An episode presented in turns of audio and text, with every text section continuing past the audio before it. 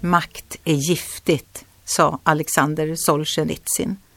Han hade tillbringat många år i fångenskap i Sibirien som straff för sina frimodiga uttalanden. Den giftiga makten har varit känd i tusentals år, fortsatte han. Tänk om ingen kunde få makt över andra. För de som tror på en auktoritet som är större än de själva och som därför är medvetna om sina egna begränsningar är makten inte nödvändigtvis livsfarlig. Men för de som inte känner till någon större auktoritet att vara ansvariga inför är makten ett dödligt gift. Och då finns det inte något motgift. Ödmjukhet inför Gud kan rädda oss från maktmissbruk och övergrepp av människor.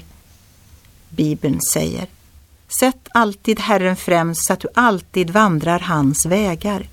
Älskar honom och tjänar Herren, din Gud, av hela ditt hjärta och med hela din själ.